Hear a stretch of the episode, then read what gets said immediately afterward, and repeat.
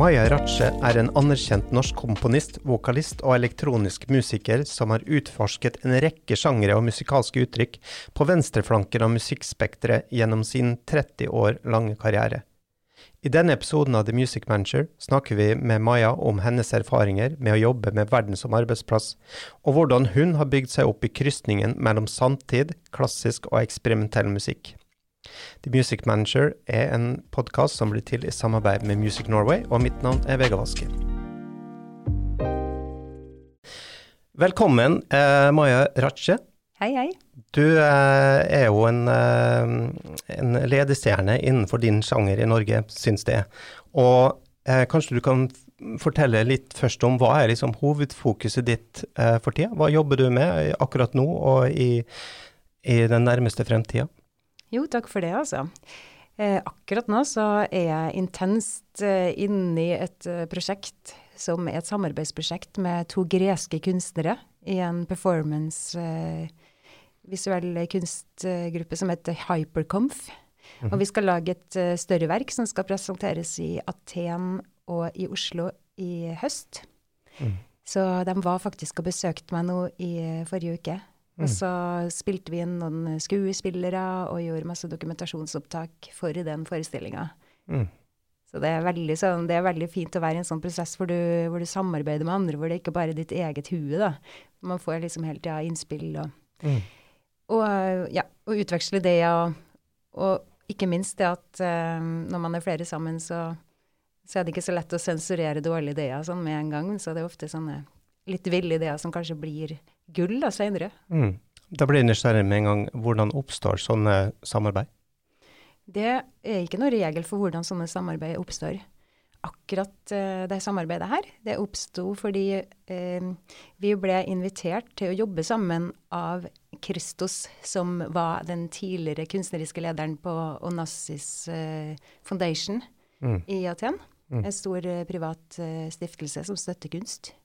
Det var jo denne båtmannen som var veldig rik, og som var sammen med en operasanger, mm. Maria Carras. Mm. Som eh, da var veldig interessert i kunst og kultur, så det er en kjempestor stiftelse som drives i dag. Mm. Og da hadde jeg vært og spilt da, på den scenen som de har i Aten for ti år siden med gruppa mi som heter Spunk, som er en sånn impro-kvartett. Så han huska meg fra det, og så skulle de eh, sette i gang et nytt sånn gresk-norsk samarbeid nå, fordi de var i kontakt med Ultimafestivalen i Oslo. Mm. Som de hadde lyst til å ha et samarbeid med. Og så tenkte han på, på meg som en norsk kunstner som han hadde lyst til å koble med Jannis og Paula, heter de, i mm. Hyperconf. Mm. Så han introduserte oss og sa vær så god, her har dere frie tøyler, gjør hva dere vil. lag et verk, lag hva som helst. En installasjon, konsert, mm. performance, nettkunst, hva som helst. Mm. Men uh, vi vet hva vi skal gjøre nå. Men vi brukte to år på å finne ut hva vi skal gjøre. Ja. Og hvilken tidsramme har du, hvis du konsentrerer om det der for øyeblikket, hva, når, når avslutter du det, og hva kommer etterpå? Det er ofte sånn at jeg jobber med flere ting samtidig. Mm. Jeg er jo frilanser, jeg har vært frilanser nå i, ja, i snart 30 år, faktisk. Men jeg begynte å tenke meg om, Det begynner å bli ganske lenge. Mm. Så jeg er jo vant til å ha ting parallelt for eh, ellers så kan man jo heller ikke leve av det. Og det er jo noen ting som har veldig lang tidshorisont. Mm. Og så andre ting har mye kortere tidshorisont, og så overlapper det litt. Mm. Så, så, man kan jobbe med ting på idéplanet samtidig mens at man er i avslutningsfasen, kanskje på et annet verk. da. Mm. Men du må ha en sånn evne til å gå inn og ut av fokus. Ja. Det syns jeg er veldig fint også. Så når man er til stede i, i den jobben man gjør, så, må, så er man det som jeg snakka om, var sånn intenst til stede. Og det er jo det som er så utrolig artig òg. Mm. Det er jo derfor jeg gjør det her. fordi at uh, det er en sånn kreativ uh, boost i det som, uh, som gjør at, at, jeg greier å tenke nye ting og, og, få nye ideer. Og jeg blir veldig positiv og optimistisk av å få jobbe med kunst. Mm. Men Så du har mange parallelle løp og heller ikke hva skal jeg si, én grein, grein du bare um, uh, holder på med. For du skriver også partiturer, og i tillegg så har du forskjellige samarbeidsprosjekter. Ja, absolutt. Mm. Det er jo helt, um, det er helt nødvendig for å kunne overleve i et smalt felt, da, når du snakker om uh, i innledningen her, min sjanger, så tenkte jeg hvilken, hvilken av dem da? Men alt annet enn uh, populærmusikk, kanskje? ja, ja, jeg skjønner. Men ja, jeg jobber jo i kunstfeltet, jeg er jo klar over det. Mm. Um, man kan jo si at det er et bevisst valg, men på den annen side så har det jo bare blitt sånn, fordi det der, det interessen min ligger jo i det å og prøve å altså, få til nye ting, da, som, uh, hvor falløyden og risikoen er ganske stor. Da, sånn at man kan ikke tenke kommersielt på den måten som man gjør i, i, i den industrien som, vi, som, også musikk er. Mm. Så jeg føler meg jo ikke som en del av det, men likevel så er det jo mulig å leve som kunstner av musikk, og det finnes jo veldig store nettverk for ulike typer kunstmusikk.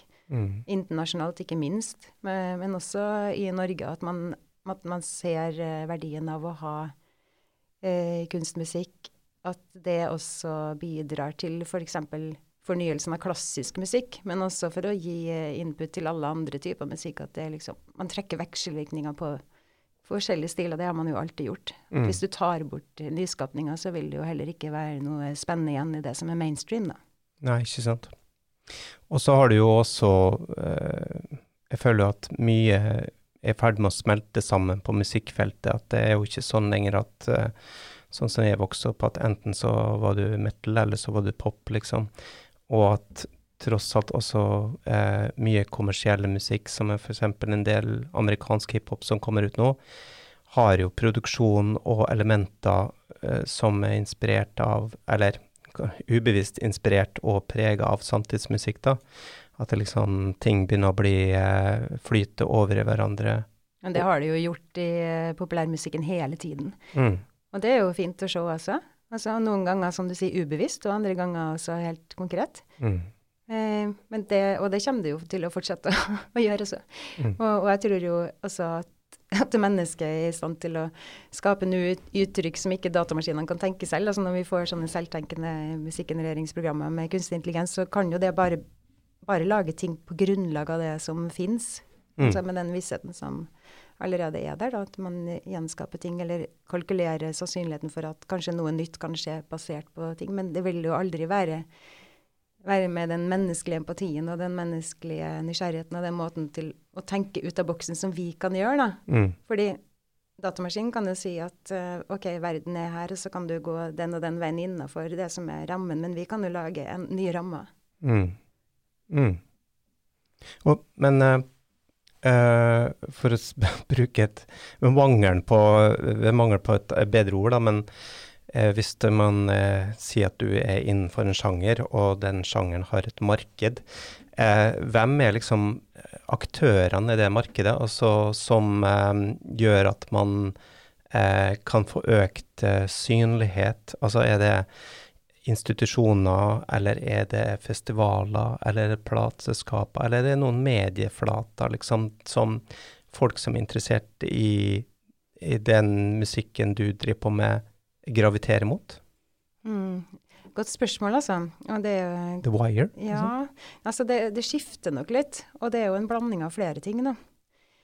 En ting er jo det med platebransjen, som er ganske kaotisk uh, for tida. At det er mm. mange av de uh, tradisjonelt kanskje viktige mellomstore aktørene som, uh, som ser seg om etter andre jobber, eller gjør, gjør, noe annet enn det de har gjort til nå. Da.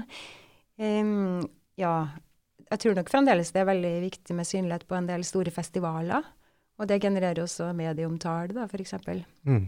Hva er, det de, hva er liksom uh, Coachellaen i, uh, i ditt felt, da, for å si det sånn? Hva er de viktige festivalene?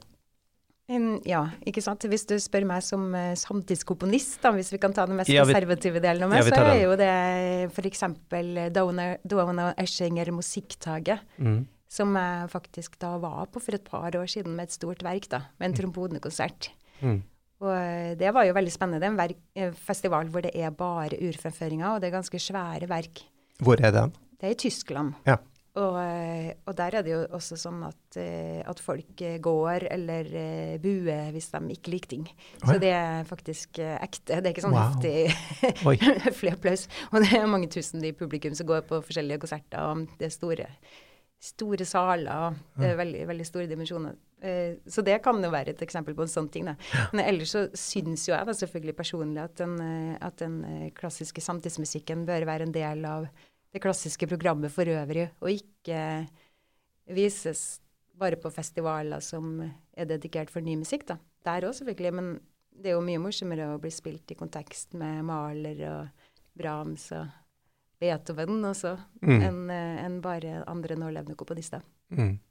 Så eksempel hvis man blir da booka til eh, den festivalen eksempel, så eh, gir det ringvirkninger, både at eh, da er det kanskje folk som tar kontakt med det, som vil samarbeide, og så kommer det nye gigs.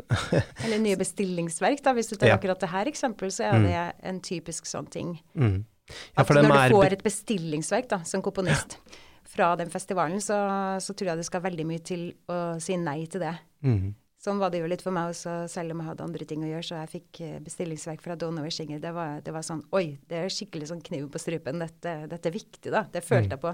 Jeg prøver å være veldig opptatt av det at ikke jeg blir for styrt av sånn ytre motivasjon, men akkurat den der følte jeg hang veldig høyt. Så nå Mm. gjelder det å gjøre noe som, eh, som blir bra nok. Da tenkte jeg mye på det og syntes det var vanskelig å starte, for jeg ble veldig flink til å sensurere meg selv også, da. For jeg var liksom redd for å, at ikke ideene han holdt. Da. Mm. Men til slutt så var jeg i gang, og da blir jeg, og da blir jeg så besatt av arbeidet, så da ser jeg ikke lenger den, der, den risikoen sånn fra utsida. Da er jeg bare inn i arbeidet mitt, og, og da går det seg sjøl, da. Mm.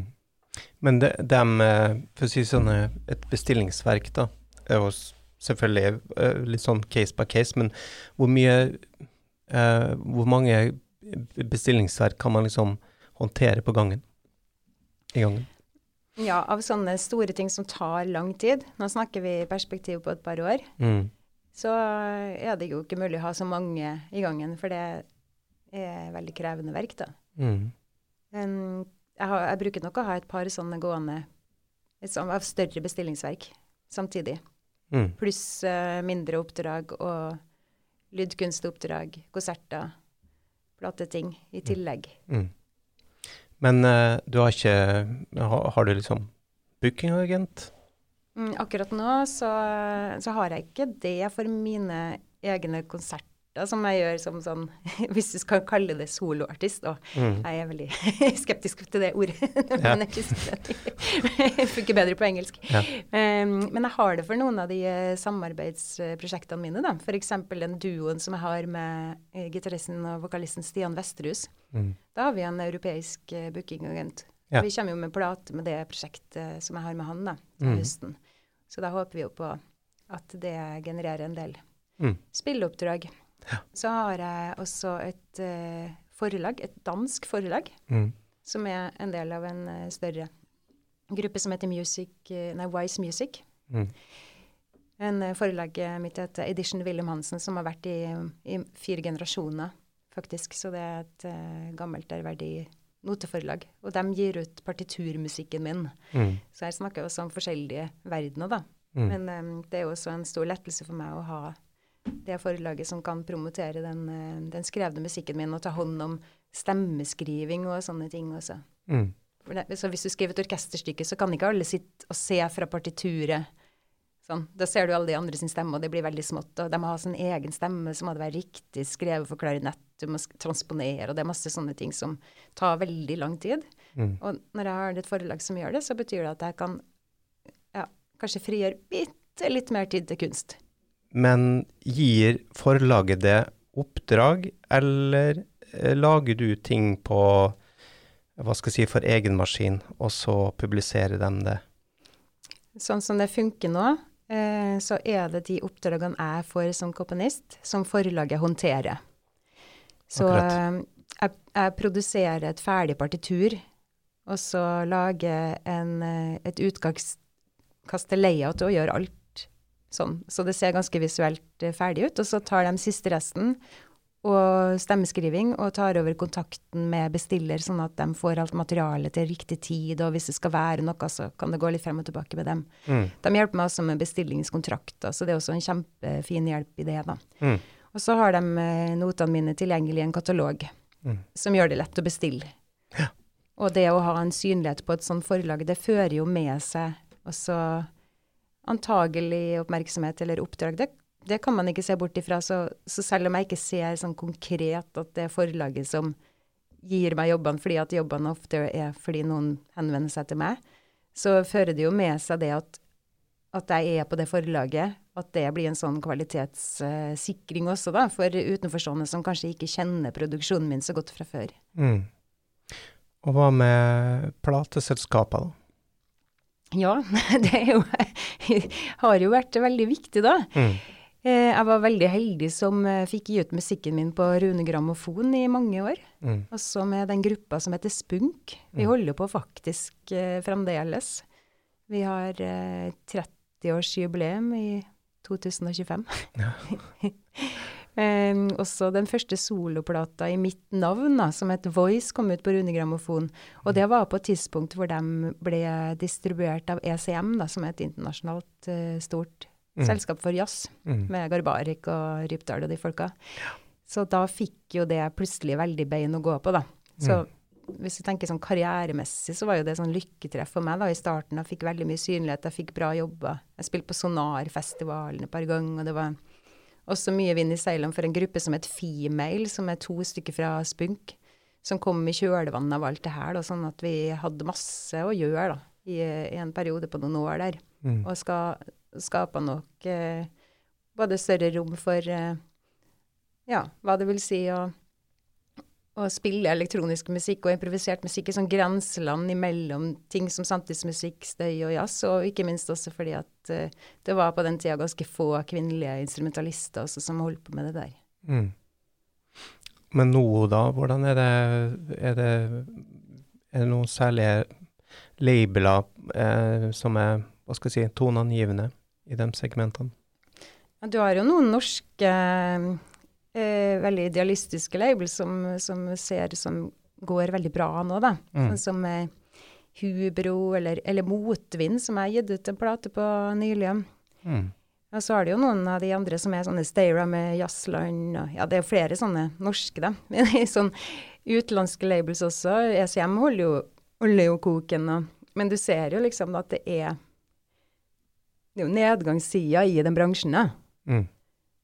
Så um, det blir spennende å se hva som skjer. Ja. Men så ser jeg jo også at uh, folk slutter jo ikke å kjøpe musikk. De som er glad i musikk, vil gjerne også ha et fysisk objekt. Og det med at vinylen har blitt populær, så det er jo ikke tilfeldig heller, da. Mm. Men um, jeg tror så, altså, så lenge det fins levende musikk, så blir det referansen til at det går an å, å ønske seg å høre musikk selv òg. Fordi det med konsertformen, er- altså det, må vi, det må vi gå inn på. fordi konsertformen er liksom urformen for musikk. Det er der musikk kommuniseres, og det er derfor vi begynte med det på andre måter også. For det, det liksom, det sitter så sterkt i oss da, som mennesker, det med å samles i det ritualet som en konsert er. Så det vil aldri gå av moten, da, uansett hvor høyoppleselig Mm. digital teknologi kan bli. Da. Så det, vi kommer tilbake til det, og det vil føre til at uh, vi også har et ønske om å, om å lytte til musikk, Mm. som gjør at det må være et objekt som da helst ikke skal være gratis også, sånn at det går an å leve av det for flere. Da. Ja.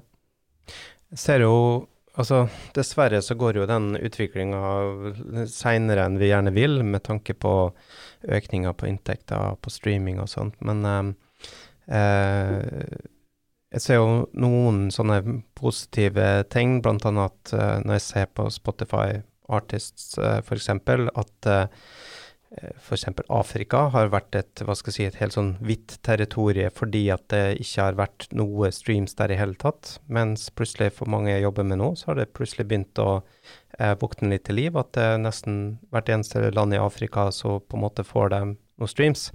Eh, og det kan jo da selvfølgelig være liksom 2000 streams i året i Niger. Men allikevel så er jo det mange hundre prosent eh, økning, eh, eller 1000 prosent fra, fra i fjor, som var null. Um, pluss at jeg spilte i noen sånne obskure punk hardcore-band på 90-tallet, og nå så jeg på skattemeldinga mi tilfeldigvis i fjor, nei, i går, og da hadde jeg plutselig liksom fått 2000 kroner for Tone, jeg har aldri fått så mye penger fra Tone jeg eh, noensinne. Og da snakker vi om eldgamle plater, liksom. Merker du at, eh, dem, at det begynner å øke i den enden også, eller er det liksom nesten Selvfølgelig, det er jo veldig lite, men ser du noen fremgang på sånt at uh, streaming uh, av musikk i din, på dine felt også vil liksom catch up etter hvert? Ja, jeg følger litt dårlig med på, på akkurat det, altså. På antall streaming, for det har vært så lite fokus fra min side på, på den biten. Mm. Det har vært eh, de konsertene som har vært så utrolig viktige, da. Og når man gir ut plate, så er jo ofte liksom Det er ikke nødvendigvis det man har gjort som er hovedverket, som er den ene bestillinga, men plate kan være et annet produkt, da. Nei, sorry, det blir litt rotete, altså. Men, eh, jeg, men, men plat, det musikken som du får på plate, er ofte noe helt annet enn et verk som man lager, da. Mm. Sånn som det, det verket som jeg holder på med nå, det skal jo ikke spilles inn, liksom. Så det, de framføringene, det er der man må være, da. Man må være der det faktisk skjer. Mm. Um, når det gjelder at folk lytter på musikk, det, ja, så fanges jo det opp av sånne telleapparater på streaming, det er klart. Men folk har jo alltid lytta til den musikken eh, man vil uansett. Man finner liksom måter, fordi musikk er så viktig for folk. sånn I gamle Øst-Europa sånn, man smugla jo inn musikken der. og Jeg har jo så sett det på markedet i Kina og sånn. altså der, der kom hit på tidlig 2000-tallet. og Mm. det flomma jo med piratkopier. Også av min musikk. Jeg så jo signa min, e- sånne, min egen musikk på sånne 20-kopierte CD-er etter konserter. og sånn. Mm. Det er jo kjempespennende. at liksom Nysgjerrigheten for musikk er jo internasjonal. Så selv om det nå da begynner å vise på sånne metere som, som teller streaming, så, så Mm. tror jeg kanskje liksom Det er jo bare sånn symptom, for det har jo alltid vært der, da. Ja. Men de som er interessert. I hvert fall de som er interessert i avantgardemusikk, så vil man alltid oppsøke oppsøke det som skjer, og det som er interessant. Mm. Ja, for å sette på spissen hvis 0,0001 av befolkninga i India hører, hører på musikken din, så er det fortsatt ganske mye penger, uh, mange folk. Ja, ja, ja. Det er jo det. Den- altså, men jeg har liksom ikke kontroll over de tingene der. Mm. Det er jo veldig mye styrt av tilfeldigheter. Så plutselig er det noen som anbefaler deg et eller annet sted. Jeg, jo, jeg var plutselig anbefalt av Iggy Pop eh, på et program på BBC, og da var jo da var jo det plutselig aktuelt, ikke sant, det han spilte der. Og det var jo Gategutt, en versjon av Rudolf Nilsens sang som jeg gjorde med Poing. Av alle ting så spilte han den på radioen og snakka om meg og sånn. Det var jo helt strålende. Mm. Har du altså Siden du er, setter på spissen liksom din egen manager og egen bookingagent eh, da, i utgangspunktet, har du da et veldig Du har jo da også sikkert et veldig stort nettverk av eh, kollegaer rundt omkring i verden. Altså, er det sånn at du setter av én time om dagen til liksom uh, eh, networking? Jeg gjør ikke det sånn strukturert, nei, jeg gjør ikke det. Jeg prøver å bruke mindre tid på sånne ting enn Mm. jeg føler at jeg må. Mm. Føler at jeg er liksom bakpå av og til. Så av og til så tar jeg meg jo sammen og poster ting på sosiale medier. Det syns jeg jo er litt uh, morsomt også. Jeg Mm. føler at jeg har liksom taket på det. Men jeg har nettopp blitt med i Instagram. Det gjorde jeg i desember, rett før jul nå, da, så det var jo rimelig seint, da. Ja. Men Facebook har jeg vært på en tiårs tid, kanskje litt mer. Ja. Der var det noen som hadde oppretta ei side i mitt navn, så da tenkte jeg at nå må jeg kanskje ha kontroll over hva som publiseres i mitt navn, så jeg tok Mm. eierskap på det, da. Og da Mm. forsvant den andre sida, men den var, den var jo sånn godt ment, den som var der fra før, men det var kanskje litt sånn rar vekting av informasjonen da, i forhold til hvordan jeg ville ha gjort det sjøl, da. Er det, hvor mange land har du spilt i rundt omkring i verden? Jeg husker ikke. Cirka? Jeg aner ikke. men det er jo liksom ikke så Jeg vet ikke. Det, det er jo ikke så viktig. Folk er folk, da. Det er, så, det er jo de samme Hva er det spe mest spesielle folk, er så, folk er så like, liksom. Folk er, folk er opptatt av de samme tingene. De er opptatt av familien sin og, og musikk og overskudd til å gjøre noe annet enn å bare jobbe og få endene til å møtes, og det er ganske mye, ganske mye likt Mm. overalt. Mm. liksom, eh, har du noen sånn, eh, eh, noen steder du har spilt som har på en måte vært spesielt liksom store opplevelser? Oi, skal vi se. Jo, absolutt. Sånn i gamle Øst-Europa for, en, eh, for en del år tilbake. Mm. Ja, det føltes det veldig friskt.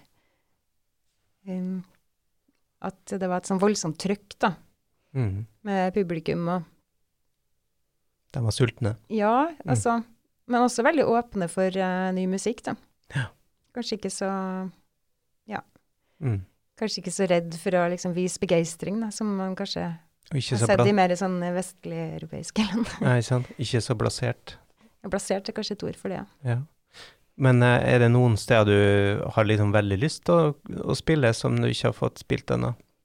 Nei, vet du, nå er jeg liksom ferdig med å reise i huet mitt. Jeg, jeg Ok. prøver å reise minst mulig jeg nå.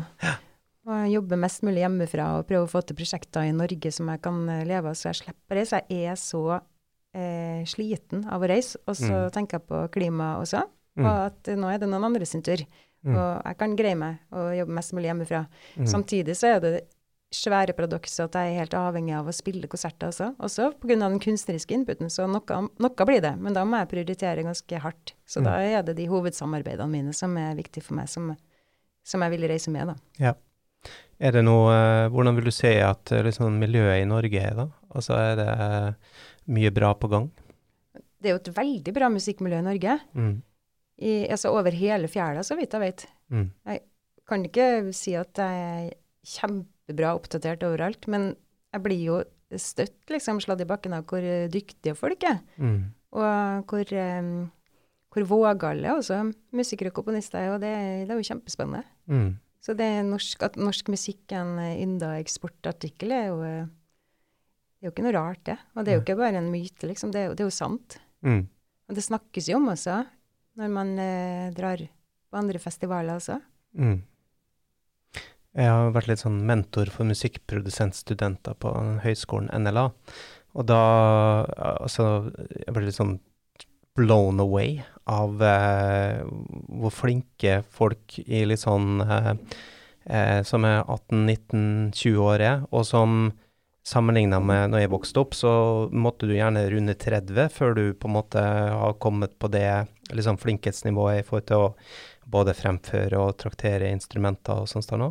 Og så føler jeg også at de yngre generasjonene er kanskje også mye flinkere til å eh, backe hverandre og gi hverandre eh, positiv eh, Eller liksom gi hverandre konstruktiv kritikk, da. At det ikke er så mye sånn kniving. Forhåpentligvis så har du rett i det. Jeg tror også at eh, de som velger å studere musikk eller, eller annen kunst, merker at det er veldig mye på spill. At det er ikke en uh, jobb man tar lett på, da. Hvis Mm. man skal gå inn i det, så er det såpass spesielt. Og også du kjenner igjen den driven i andre, da. Mm. Og det avslører seg jo veldig fort hvem som er drevet av noe annet. Hvis det er bare ønske om å bli kjent, f.eks., så, så er jo ikke det noe som varer så veldig lenge, da, kanskje. Mm.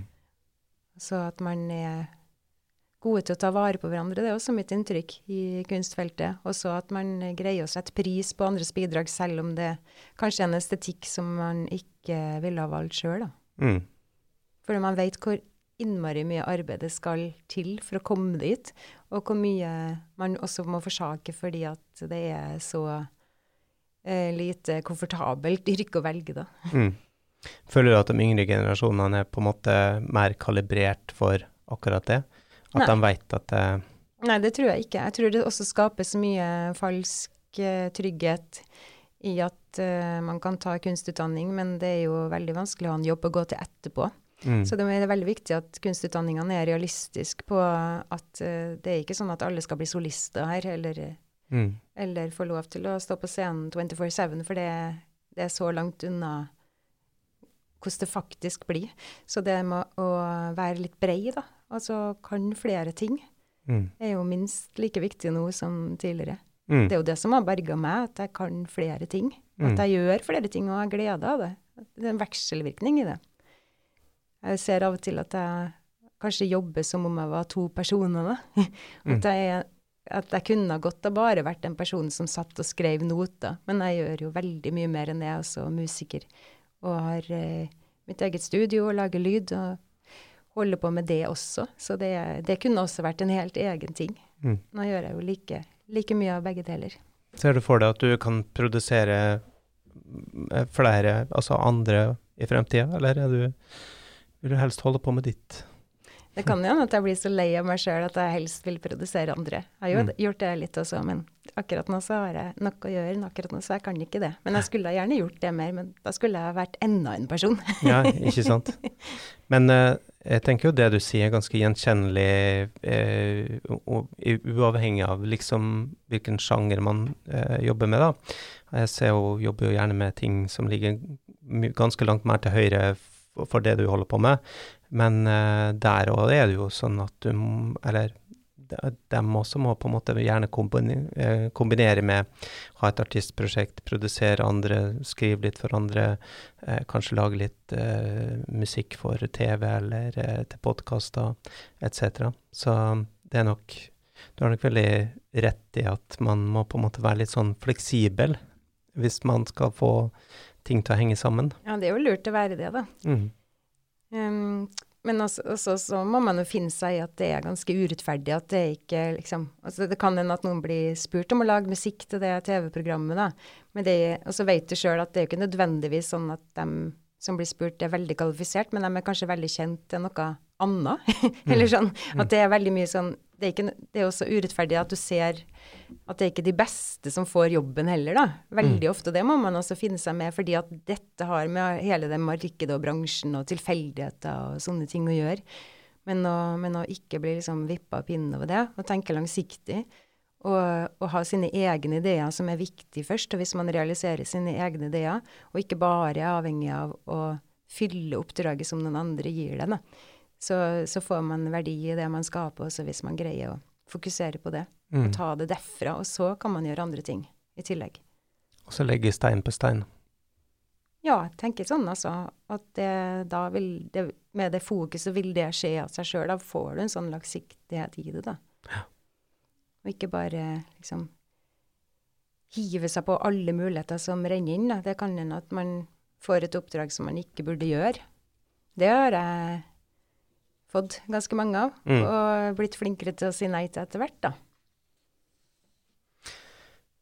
Du, eh, Maja, det var veldig koselig å ha deg her. Eh, jeg tenkte vi kunne liksom runde litt av om kanskje du har noe innspill til unge og håpefulle eh, som eh, kunne tenke seg å bli den neste Maja og jobbe med samtidsmusikk og beslektede. Har du noen gode råd, da? Og ikke gi seg, da. Altså være tro mot ideene sine.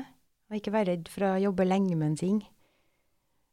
Og det er viktigere å jobbe med det man skal med kunsten sin, enn å være flink med sosiale medier og sånn. Mm. Det Man må ikke liksom legge alt i det. Det er mange som er veldig flinke til å selge seg sånn. Men det jeg tror også det kan være liksom midlertidig hva som funker på det området der, da. Mm.